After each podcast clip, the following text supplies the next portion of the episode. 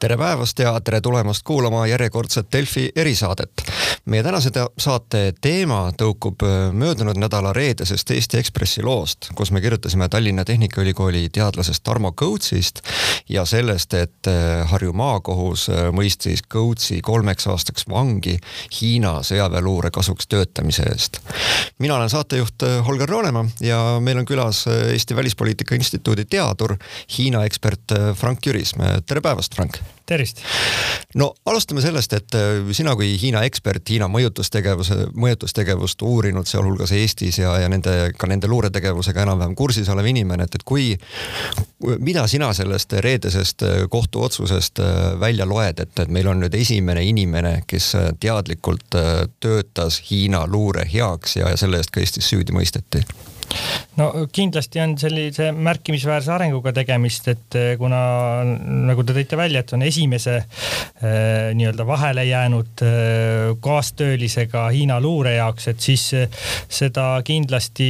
tuleb tähele panna, aga, aga nii palju, kui mina olen luure, luuretööst aru saanud, siis ega väga palju selliseid ähm, vahelejäämisi just nagu välisluureteenistuste poolt, et ega need avalikuks ei tulegi, et pigem tulevad ikka avalikuks need, kes on siis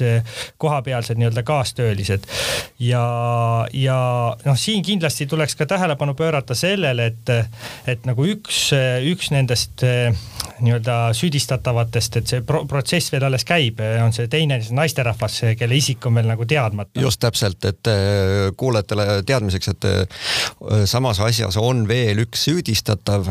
kelle, kelle nime me siiamaani avalikustanud ei ole. ja, ja kuna tema osas ei ole kohtu, kohtuprotsess veel vist isegi nagu päriselt käimas, et siis ei ole ka selle kohta rohkem detaile teada mm. -hmm. et ma jah, lisaks oma poolt, omalt poolt veel selle, et,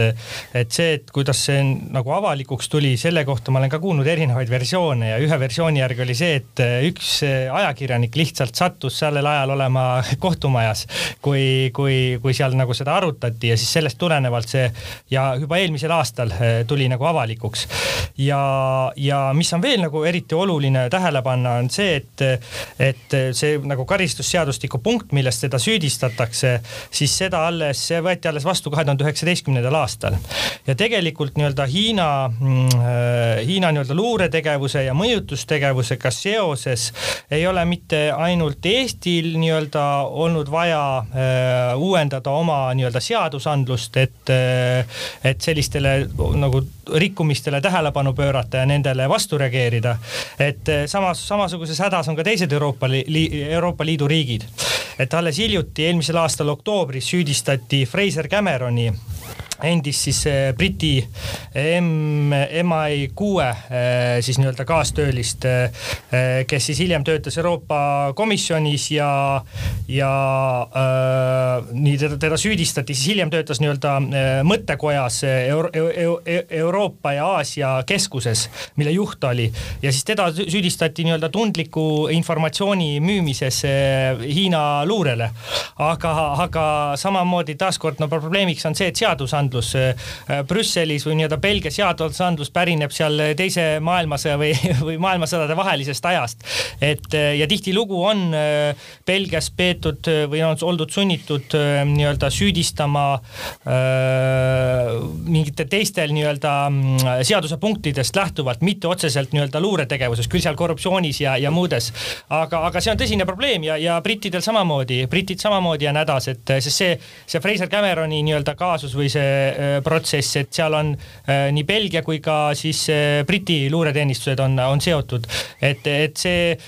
see on nagu põhjus mõtlemiseks, et kuidas üleüldiselt nii-öelda tõsta ühiskonna kerksust Hiinast tulenevate luureohtudega seoses, kui ka samas viia nii-öelda seadusandlust kaasajaga, et, et kui me mõtleme selle peale, et noh, tänapäeval kasvõi signaalluure on tohutult arenenud võrreldes sellega, mis ta seal maailmasõdade vahelises ajas oli, et, et uute ohtudega kaasas käimiseks tuleks kindlasti ka nii-öelda parandada seadusandlust ja, ja üldisemalt tõsta teadlikkust, et parandada ühiskonna kerksust. see on nagu huvitav, et sellesama Tarmo Kõutsi juhtumi puhul või, või enne seda on tegelikult kaitsepolitsei ja, ja Välisluureamet mõlemad nagu mitmeid aastaid hoiatanud Hiina luure sellisest intensiivistuvast tegevusest Eestis. ja kui ma nüüd nagu tagantjärgi loen neid kaitse, kaitsepolitsei aastaraamatuid, mulle tundub, et eelmisel aastal nad isegi täiesti teadlikult, mulle tundub täiesti, nad viitasid sellele samale Tarmo Kõutsi juhtumisele, juhtumile äh, ilma sellest loomulikult äh, nimedeta ja vähegi konkreetsemate, konkreetsemate konkreetsemalt rääkimata. et nad tõid oma aastaraamatus välja, et kuidas just sihitakse teadlasi, kuidas neid huvitavad merendusteemad, Arktika teemad, eh, mis sobitub täpselt sellega, et eh, millega Tarmo Kõuts teadlasena tegeles ja, ja nüüd eh, siis vähem kui aasta aega hiljem me loemegi, et, et üks Eesti teadlane on, on süüdi mõistetud uh, ma ei tea, Eestis mulle kuidagi tundub, et see Hiina on nii kaugel, et kui me siiamaani oleme süüdi, oleme tabanud meie, me kaitsepolitsei on tabanud ja prokuratuur ja kohus on nad siis äh, süüdi mõistnud, eks. Äh, just Hiina, just vabandust, Venemaa, Venemaa luurajaid, et mille puhul me tajume seda julgeolekuohtu äh, palju, palju konkreetsemalt, et meie naaber, kellega meil on sajandite pikkune selline väga-väga traagiline ajalugu. et see Hiina tundub natukene nagu kaugem, et, et mis julge, julgeolekuoht see meile tegelikult on, et kuidas sa seda oskaksid nagu lahti selgitada? Noh, selles mõttes äh, on see täiesti nagu põhjendatud, et meie naabriks, naaberriigiks on ikkagi Venemaa ja, ja nii-öelda geograafilist asukohta ei, ei saa nii-öelda valida. Aga, aga mm, võib-olla nagu põhjust mõtlemiseks on selles osas, et, et Hiina on nagu tõusmas äh, globaalseks suurjõuks ja sellest tulenevalt on ka need ohud, mis Hiinaga kaasas käivad, äh, mitmehaardelised. et äh, see ei puuduta ainult nii-öelda sõjaväe, sõjaväeluuret või, või siis nii-öelda teadlaste nii-öelda intellektuaalomandi vargus, see puudutab ka tööstusspionaaži, et alles hiljuti ju Postimees avaldas artiklite sarja Hiina mõjutustegevusest, mille üheks autoriks sa ise olid, kus toodi siis välja, kuidas Äh, skeleton siis nii-öelda Eesti üks nendest, äh, üks, üks, ükssarvide, ükssarv, ükssarvedest jah. Äh, et kuidas üritati nii-öelda, Hiina delegatsioon üritas sisse murda tööstushoonesse. ja, ja Cleveronil, ma saan aru, on olnud Hiinas probleeme, et tööstusmessil on nende tooted nii-öelda kopeeritud, et võib-olla jah, et see on nagu suureks erinevuseks Hiina ja, ja Venemaa võib-olla vahel on see, et Venemaa, Venemaad me tunneme ja Venemaa nii-öelda ohtudega me oleme paremini kursis, me oleme aastakümneid sealt tulevate ohtudega nagu pidanud rinda pistma. aga mm, noh, sellest Hiinaga, Hiina, Hiina, Hiinaga me oleme, Hiinale me oleme hakanud alles hiljuti nagu tähelepanu pöörama. ja, ja teiseks võib-olla nii-öelda suureks erinevuseks on see ka, et eh, Hiinal on võimekust, ressurssi eh, mitmel rindel tegutseda ja, ja tihtilugu lugu, äh, kes äh, Hiina jaoks infot koguvad, et need ei pruugigi olla üldse luure, luuretöötajad või, või nii-öelda operatiivtöötajad, et need võivad olla üldse äh, kohapeal elavad elanikud või, või siis äridelegatsioonid, poliitilised kontaktid, mis iganes. et, et see on see on nagu midagi, mis Hiinat eristab võib-olla. räägime natuke sellest Hiina luuretegevusest veel, et praegu me teame, et, et Eesti puhul või see nii-öelda Tarmo Kõutsi värbaja kokkuvõttes siis oli Hiina sõjaväeluure mm. ehk siis rohkemalt, täpsemalt lahti kirjutades Hiina Rahvavabariigi sõjaväe keskkomitee ühendatud peastaabi luurebüroo mm.. et taaskord nagu see paralleel tuues Venemaaga, eks ole, et, et siis Venemaa puhul oleks see analoog GRU olnud. aga, aga näiteks Tšehhi vastuluure on siin paar aastat tagasi nii-öelda hoiatanud, et et Prahas on lisaks sõjaväeluurele on tegev, on tegevad veel erinevad Hiina nii-öelda luureharud, et, et nad nimetavad või luure- ja mõjutustegevuse harud, eks nad nimetavad seal sedasama kommunistliku partei keskkomitee rahvusvahelist osakonda, kelle kohta sa ise oled, oled, oled põhjalikult nende tegevust uurinud. Nad nimetavad riigi julgeolekuministeeriumit MSS ja, ja siis veel Ministry of Public Security, mille puhul ma isegi täpselt ei tea, kuidas seda eesti keeles tõlkida, avaliku julgeoleku julgeolekuministeerium või, või, või kuidas see korrektne tõlge on, et on meil alust arvata, et, et kõik need äh, muud, kõik need teised äh, luurega tegelevad äh, instantsid Hiinas on, on ka meie juures tegevad. Äh, vot selle, selle koha pealt äh, mina ei ole, ma arvan, õige inimene kommenteerima, et äh, kes, kuidas siin niimoodi toimetab, et ma igapäevaselt nüüd päris ei uur, uurinud ei ole erinevate luureasutuste tegevust, et mina tegelen ikkagi avalike allikatega. Ja sellest tulenevalt, aga noh Äh, loogiliselt võttes on väga tõenäoline, et need erinevad äh, asutused on, äh, on esindatud noh, ülemaailmselt. Ja, ja et nad toimetavad igal pool agaralt. aga, aga noh, kindlasti tuleks siin ka nagu tähelepanu pöörata sellele, et vastavalt siis ikkagi kohalikest nii-öelda tingimustest lähtuvalt. et ma ise olen nagu lähemalt uurinud mõjutustegevust ja mõjutustegevuse seisukoha pealt Hiina diasporaaga, kui on suur Hiina kogukond välisriigis, siis tavaliselt nendega tegutseb või nemad kuuluvad siis ühisrinde töö nii-öelda süsteemi. aga kuna Eestis noh, hiinlasi elab üsna vähe, ma ei tea, eelmise aasta statistika. minu märg nelisada äkki oli see number. jah, et kuskil neljasaja ringis, et siis noh, ma leian, et võib-olla see ühisrinde tööorganisatsiooni tegevus eh, Eestis võib-olla ei ole väga aktiivne. no võrreldes näiteks Soome või Rootsiga, kus, eh, kus need kogukonnad on märksa suuremad, et Soome kohta ma olen kuulnud sellist juttu, et Soomes on kuskil kümme tuhat. et see on nagu märkimisväärne nii-öelda suuruse vahe ja, ja seal on ühisrinde töö olnud ka väga aktiivne, et nad on korraldanud korraldanud siis Hongkongi protestideks vastuproteste, äh, korraldanud seal äh, Xi Jinpingi mõtte nii-öelda tundmise või lugemise nii-öelda seminare. ja aga, aga jah, Eestis, kuna diaspora on väike, siis mina oma uurimustöö käigus ei ole nende tegevust nagu, ei ole näinud, et nad väga aktiivsed oleksid. ja, aga mis, mis on aktiivne, on tõesti Hiina Kommunistliku Partei Keskkomitee rahvusvaheliste suhete osakond, et nemad, nemad on aktiivne ja, ja nemad on siis nii-öelda mm, äh, kommunistliku partei äh, selline öö, osakond, mis on keskendunud just välis, välistele poliitiliste parteile või välisriikide poliitilistele parteile. oma kodulehekülje järgi on neil loodud siis nii-öelda poliitilised sidemed või suhted peaaegu kuuesaja erineva nii-öelda poliitilise parteiga üle maailma. ja, ja ka Eestis on nad olnud väga aktiivsed, et olen näinud kõigi suuremate poliitiliste parteidega mm, läbikäimist siis selle, selle sellel osakonnal. ja nad ise kirjeldavad oma nii-öelda tööd, tööd nelja haarde kaudu. ehk siis see on kontaktide haare, see on parteide haare, see on uuringud ja, ja siis on selline positiivne kuvand Hiinast ja, ja, ja nad, Xi Jinping ise on nende nii-öelda juuberiüritusel käinud. see töö siis kuulub välis see kuulub siis välissuhete töö nii-öelda süsteemi ja Xi Jinping on seda kirjeldanud, et äh, tuleb luua nii-öelda positiivseid kontakte, et Hiinast jääks äh, hea kuvand ja, ja nende nii-öelda kontaktide läbi on võimalik siis varustada ka keskvalitsust äh, infoga. ja noh, see ja, ja see mingis mõttes on nagu oluline ära märkida ka, et, et kuna need on poliitiliste parteide vahelised kontaktid, et see annab väga hea ülevaate isegi Hiinale, Hiina kommunistlikule parteile meile ka nii-öelda siseriiklikult äh, välisriigist leiduvatest arengutest sisepoliit-, sise, sisepoliitilisel tasandil. et, et see on kindlasti oluline, äh, mida, mida, mis ja teiseks, teiseks, mis nad siis toovad selle kuvandi koha pealt toovad välja, et poliitiliste parteidega suhted, äh, noh, tegemist on ikkagi ju poliitilise eliidiga, avaliku arvamuse liidritega, et tänu sellele on siis, tänu nendele kontaktidele on võimalik jätta Hiinast hea kuvand ja, ja nii-öelda müüa head lugu Hiinast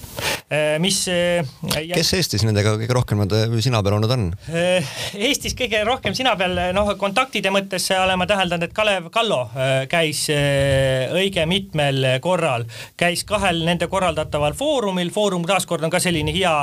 niisugune selline suur üritus, kus on siis võimalik tutvustada Hiina arengulugu, Hiina edulugu ja, ja samamoodi ka nii-öelda koguda infot ja, ja luua neid isiklikke suhteid, mida siis hiljem saab Hiina hüvanguks ära kasutada ja ja noh, alles hiljuti või tähendab viimati Kalev Kallo käis eh, minu arvates kaks tuhat üheksateist. Eh, et selle kohta on isegi pilt, kus ta kohtus äh, rahvusvaheliste suhete osakonna ase, asejuhiga kaks tuhat üheksateist. ja mis see tähendab nüüd tavakuulaja jaoks selgelt ära, et kui, kui sellise tasemega inimesega kohtuda, et, et mida siis tegelikult äh, sealt, sealt välja lugeda võiks? Äh, noh, välja lugeda võiks seda, et, äh, et nii-öelda meedias, meedias tasuks lugeda, mida need nii-öelda Hiina kultiveeritud sõbrad või, või mm, Hiina loodud personaalsed suhted, kuidas need hakkavad siis Hiina hüvanguks näiteks kasvõi meediasõnavõttudes nii-öelda tööle, et, et Kalev Kallo on ju tuntud selle poolest, et kui seda Huawei küsimust arutati ja ka Riigikogus eh, seda arutati, siis Kalev Kallo kirjutas meedias, et Huawei'sse uskumine, et see on nagu selline religioosne või usu küsimus. et eh, noh, mis muidugi on kummaline, et, et kui ka, kui mm, parlamendisaadik kahtleb oma riigi julgeoleku töötajate nii-öelda ekspertide analüüsis ja, ja pimesilmi nii-öelda religioosses mingis mõttes usus, usub kommunistlikku parteid või, või siis noh, ühe kommunistliku partei nii-öelda väga lähedastes suhetes oleva ettevõtte ettevõtte nii-öelda sõnu? Eh, mu Ungari kolleeg, väga hea sõber, ajakirjanik Šabel Špani avaldas ka just eelmisel nädalal, kolmapäeval väga mahuka uurimuse sellest, mismoodi eh, Hiina ja Ungari suhted on viimase kümne aasta jooksul arenenud ja, ja kuidas selle sellise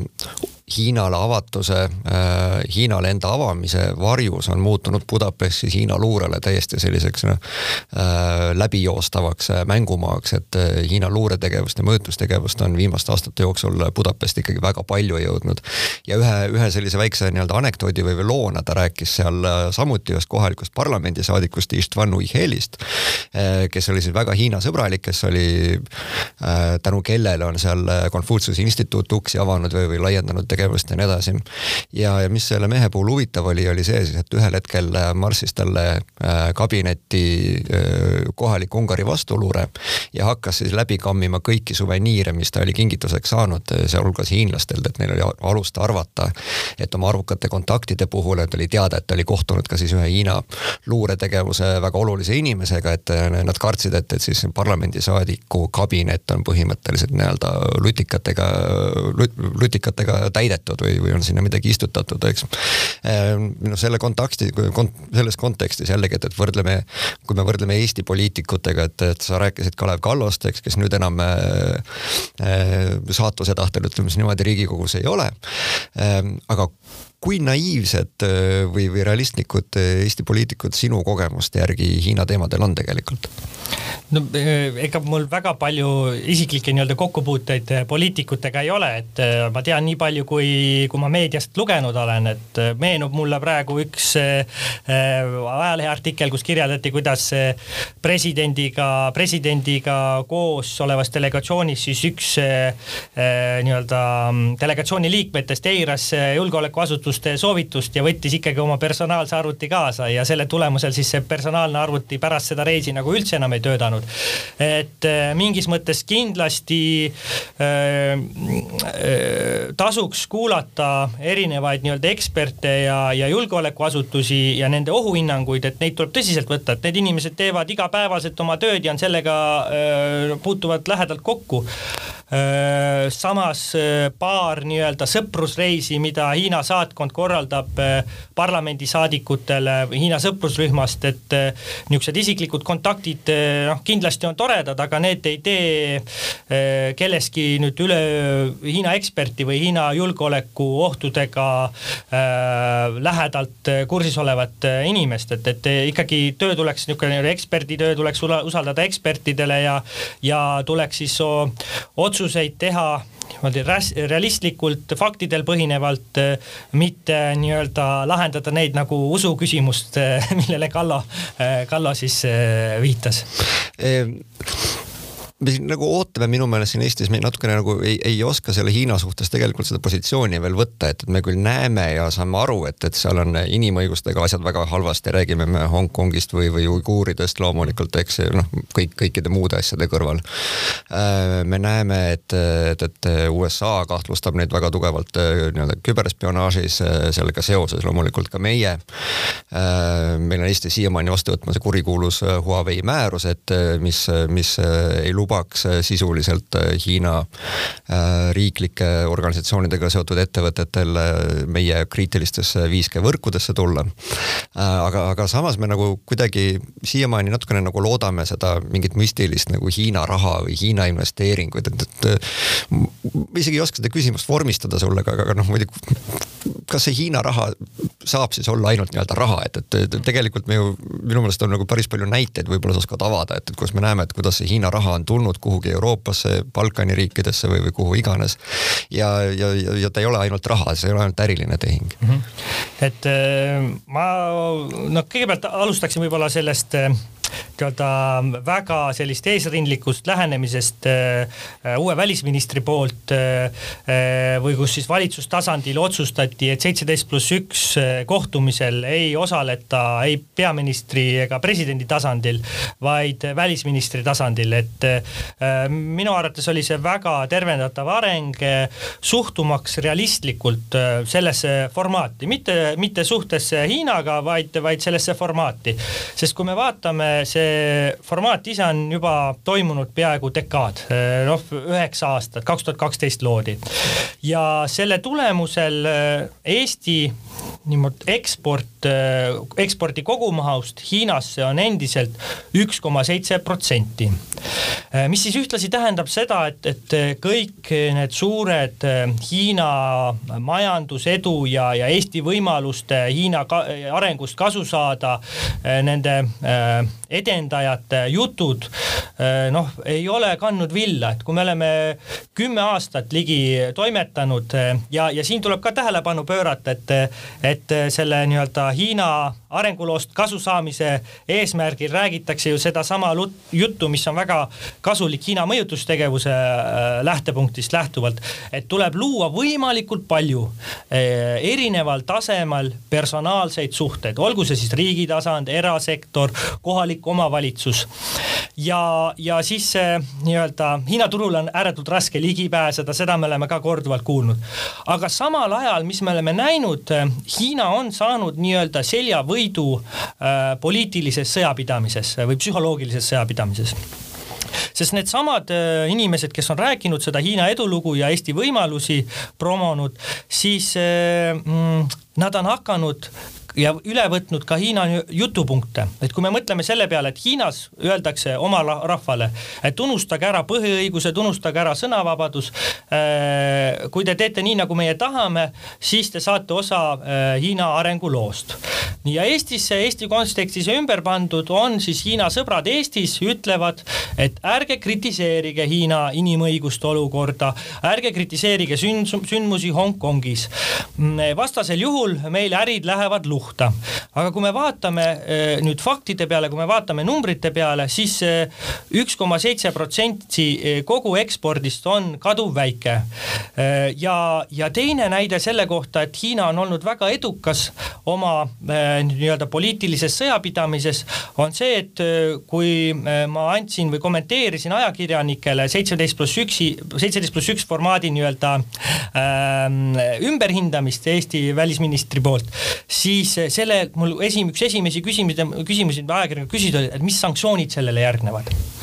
see tähendab seda, et äh, nii-öelda sellises ähm, geopoliitilises malemängus Hiina on ähm, kaks sammu meist juba ees. kui esimene küsimus äh, juba tähendab seda, et me oleme valmis ennast suukorvistama, ise nii-öelda toodame, taastoodame Hiina jutupunkte, sest tegelikult, kui me vaatame realistlikult numbrite peale, siis üks koma seitse protsenti, jah, see on äh, halb mõnele üksikule ettevõttele, kes on rohkem investeerinud või, või neil on rohkem nii-öelda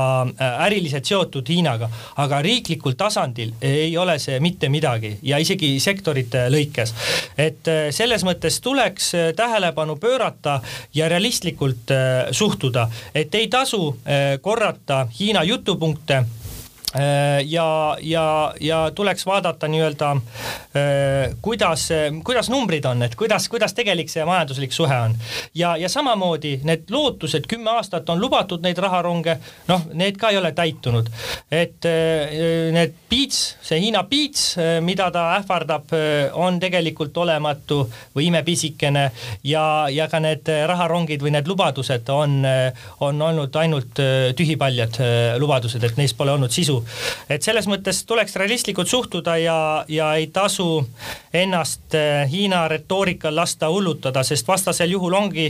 nii, et eh, me eh, lähtume oma suhte hindamisel mingitest nii-öelda narratiividest või, või siis valearvamustest, vale, valeinfost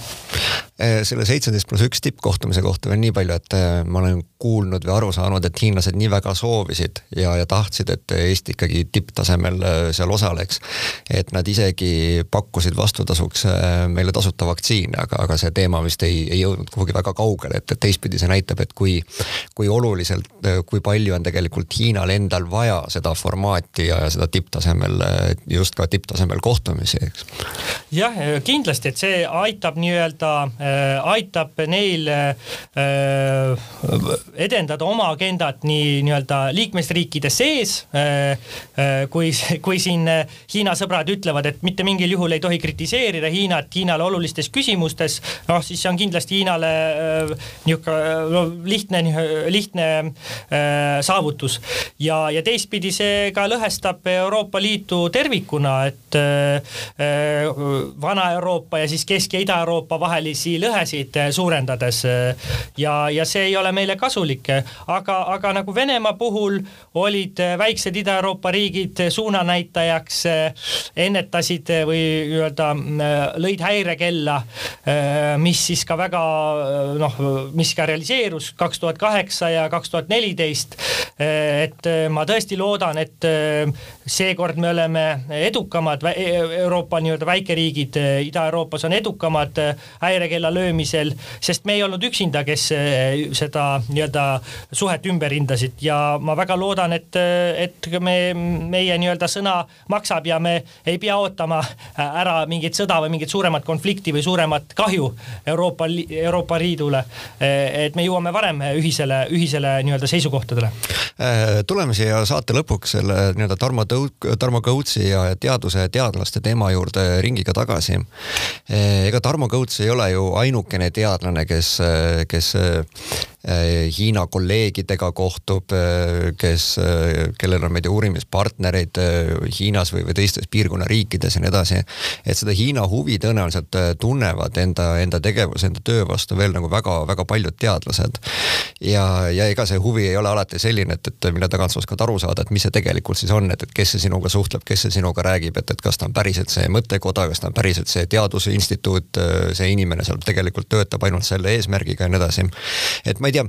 millise nagu soovituse või milline, kuidas me siin nagu käituma peaks, et, et kas me nagu peame ütlema, et kõik pöördumised, mis Hiina poole pealt tulevad, automaatselt blokeerime ära, et, et see tegelikult ei tundu ju ka päris õige olema, et anna nagu mingid soovi, soovitusi mm. -hmm. et kõige lihtsam soovitus, mida ta järjekordsete nii-öelda Hiina koostööpakkumiste puhul teha, eh, tuleks vaadata lihtsalt, missuguse institutsiooniga või missuguse asutusega on tegemist ja selle jaoks on Austraalia strateegiliste instituudi, eh, strateegiliste uuringute instituudi ASPIL välja töötatud Hiina ülikoolide nii-öelda järgija või, või, või monitoorija süsteem, kus on võimalik siis eh, sisse kirjutada Hiina akadeemilise asutuse ülikooli nimi ja siis sealt annab kohe nii-öelda ülevaate,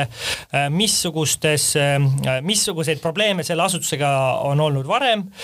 kas see asutus on otseselt või väga lähedaselt seotud Hiina Rahvavabastusarmee ja nende tehnoloogiate arendamise ja arenguga. ehk see oleks selline hea alguspunkt, kuidas iga nii-öelda teadlane saab ise hinnata siis partneri või, või siis võimaliku partneri äh, taotlusi. et tõesti ei tasuks minna paranoiliseks äh, ja, ja mm, näha iga, iga nurga taga ohtu, aga samas äh, elementaarsed sellised elementaarsed digihügieeni nõuded eh, või siis eeluuring on alati tervend-, eh, tervitatavad, et ja ma usun, et selleks on, kui kellelgi peaks olema huvi või, või mure sellekohane, et sellega kindlasti on nagu võimalik uurida vastavalt ametkondadelt täpsemaid juhiseid, et kuidas, mida talitada. ja, ja ma olen üsna kindel ka, et, et ametiasutused ka briifivad nii asutusi kui ka ministeeriume üleüldisemalt võimalikest ohtudest sellest. et äh, tasuks, tasuks neid äh, nii-öelda soovitusi kuulda võtta ja, ja kõrva taha panna ja, ja kainet meelt säilitada, et tõesti hüsteeriaks pole põhjust. ja, ja kindlasti vast see asi ka, et mida Tarmo Kõuts teinud, et äh, nagu tema kaitsja, kui ma temaga intervjuu, kaitsjaga intervjuu tegin reedel, et, et siis ütles, et alguses Tarmo Kõuts võib-olla ei saanudki aru, kes tema poole pöördus ja kellega ta koostööd teeb. Hmm. aga ühel hetkel, kui ta aru sai, siis selle asemel, et, et võtta see julgus kokku ja, ja minna siis Toompuiesteele kaitsepolitsei majja ja, ja asi ära rääkida mm, -hmm. ta ei teinud seda ja ta ajas seda noh, ta küll väidetavalt üritas eemale astuda sealt suhtest, aga tegelikult ta ei teinud seda või see ei tulnud tal välja, eks. et kindlasti see, see nii-öelda raske isikliku otsuse tegemine, et tuleb minna ja, ja asi ära rääkida sellel hetkel, kui veel võib-olla on võimalik midagi päästa ja parandada, et see ka isiklikule, isiklikule heaolule lõpuks mõjub päris hästi, nagu me Tarmo Kõutsi näite puhul nägime mm. -hmm. Et kindlasti ja, ja äh, ei tasu nagu äh, probleemis olles ei tasu ära unustada, et ikkagi meil on vastavad asutused, mis äh, oskavad nõu anda ja, ja kes tegelevad sellega igapäevaselt, et, et äh, ega me ei saagi eeldada, et äh, iga teadlane või iga nii-öelda ülikoolis töötav inimene peab olema peensusteni kursis Hiina poliitilise süsteemi või, või siis luureasutuste nende toimemehhanismide ja, ja printsiipidega või erinevate asutustega, et, et noh, see, see ei ole mõeldav ja see ei ole mõistlik. aga, aga alati tuleb abi küsida ja tuleb eh, ekspert, ekspertidelt nii-öelda nõu, nõu, nõu küsida sellel, nendel küsimustel, millel endal on teadmised poolikud, sest eh, noh, vastasel juhul, vastasel juhul ollaksegi ennast eh, kuskile sisse mässitud niimoodi, et sealt enam ei, ei õnnestu kuidagi välja, välja tulla. aga, aga samas noh, taaskord tegelikult peaks ka riik mõtlema selle peale, et kuidas tõsta ühiskonna kerksust ja, ja akadeemiline alarahastatus on juba aastaid olnud äh, probleemiks, äh, mis taaskord muudab, äh, muudab akadeemikud ka nii-öelda kergesti haavatavaks sihtgrupiks, kellele siis kellele siis nii-öelda Hiina mõjutustegevuse või siis luure, luuretegevusega seotud asutused saavad eh, küüned taha panna. see on väga huvitav, millest sa räägid, seesama ASPI, millele sa siin paar minutit tagasi viitasid, on ju suhteliselt hiljaaegu avaldanud oma, oma uuringuid, kus nad siis on uurinud, kas see on kuussada värbamiskeskust, mille, mille hiinlased on üle maailma loonud ja neist vähemalt meile lähemal olevatest kaksteist tükki on, on Rootsis, mis just tegelikult ju tegelevad sellesama nii-öelda äh, värbamistegevusega, et nad saavad ju Hiinast nii-öelda iga värvatud pea eest kokkuvõttes mingit äh, nii-öelda pearaha põhimõtteliselt. ja, ja need summad ei ole väiksed, et isegi mingi kakskümmend tuhat eurot äh, on võimalik saada nii-öelda ühe värbamise eest ja, ja, ja seal on taaskord, et seal äh, nagu otseselt ei ole luuretegevusega seotud asutused, mis värbavad, vaid need on erinevad siis ühisrinde töö organisatsioonid, mis tihtilugu näevad välja nagu mingisugused kohaliku, Hiina kohaliku tasandi mm, kodanikuühiskonna organisatsioonid või, või sellised ühendused. aga mis siis, mis siis saavad eh, Hiina poolt rahastust selle jaoks, et nad värbavad tippspetsialiste? Ja, ja sellel on väga selged ja konkreetsed eesmärgid, üks on siis nii-öelda Hiina majanduse elavdamine ja Hiina majanduse varustamine nii-öelda tippteadmistega. Ja teistpidi siis samamoodi Hiina armee moderniseerimine ja Hiina armee kaasajastamine e-, e-, ehk siis taaskord noh, on vaja nendele küsimustele tähelepanu pöörata. mina e-, ise Eestis olen tähele pannud seda, et, et erinevad akadeemikud on võtnud sõna ka teemadel, mis puudutavad Hiina poliitilist süsteemi ja, ja, ja nii-öelda riigikorraldust, kuid samas selle valdkonna eksperdid nad ei ole. ehk eks sees on taaskord selline mõjutustegevuse maik manu, kui mõelda selle peale, et et eh, noh, ma ei tea, küberneetika professor või, või teedeehituse, no ma toon lihtsalt eh, suvalisi näiteid praegu, et eh, nende ekspertiis, nende teadmised on ikkagi seotud mingi konkreetse valdkonnaga ja Hiinaga nad on võib-olla nii palju kokku puutunud, et nad on konverentsidel käinud või mingit koostööd teinud, aga, aga see ei tee neid ju ometi ekspertideks nii-öelda Hiina, Hiina valdkonnas laiemalt. ehk tasuks taaskord tähelepanu pöörata, et, et kui te kuulate mingit eksperti, eksperdi äh, lugu või, või, või äh, ettekannet või, või loete artiklit, et siis äh, tasuks inimestel ikkagi mõelda, et kas, kas tegemist on Hiina eksperdiga või, või on tegemist küberneetika eksperdiga. et sellised, sellised nii-öelda murekohad tuleb kindlasti fikseerida, et, et kui noh, aga see on mingis mõttes ka sellise professionaalse eetika küsimus, et, et kas inimene räägib nendel teemadel, kas on sobilik rääkida või nendel teemadel, millest tal võib-olla kõige paremaid teadmisi ei ole. ma siin ei, ma ei, siin ei rääginud midagi, mitte midagi selle vastu, et, et me peaksime kuidagi sõnavabadust piirama, aga igal lugejal tasuks olla kriitiline nii-öelda allika, allika suhtes ja veenduda, et, et kas tegemist on eksperdiga või on tegemist lihtsalt kellegi arvamusavaldusega, mis põhineb isiklikul kogemusel, olgu see siis reisikogemus, konverentsikogemus või koostöökogemus. hea küll, ma kardan, et me peame hakkama täna seda saadet kokku tõmbama. Äh, igal juhul, äh, millega me peame arvestama, on see, et, et see Hiina oht on, on tegelikult äh, reaalne. et kui siiamaani me nagu rääkisime natukene abstraktsemas võtmes selle, sellest, et siis nüüd me näeme, et, et Hiina luure on nagu päriselt Eestis tegutsev, nad otsivad Eestist endale kaastöötajaid. nii-öelda esimene linnuke on siis inimene, kelle puhul oli, kellel oli nii Eesti riigisaladuse kui, kui NATO saladuse ligipääs. ja, ja selle asja teeb keerulisemaks see, et, et, et see Hiina luure ja mõjutustegevus äh, oskab võtta nii palju erinevaid nägusid, et äh, ta ei ole nii robustne võib-olla, kui siin, kui siin spetsialistid on näiteks Venemaa puhul harjunud. et see on siis jällegi selline äh, moefraas, aga, aga uus reaalsus, milles, milles me elama peame. aitäh sulle, Frank, et leidsid aega meile, meile täna külla tulla ja taas kohtumiseni järgmises erisaates juba, juba homme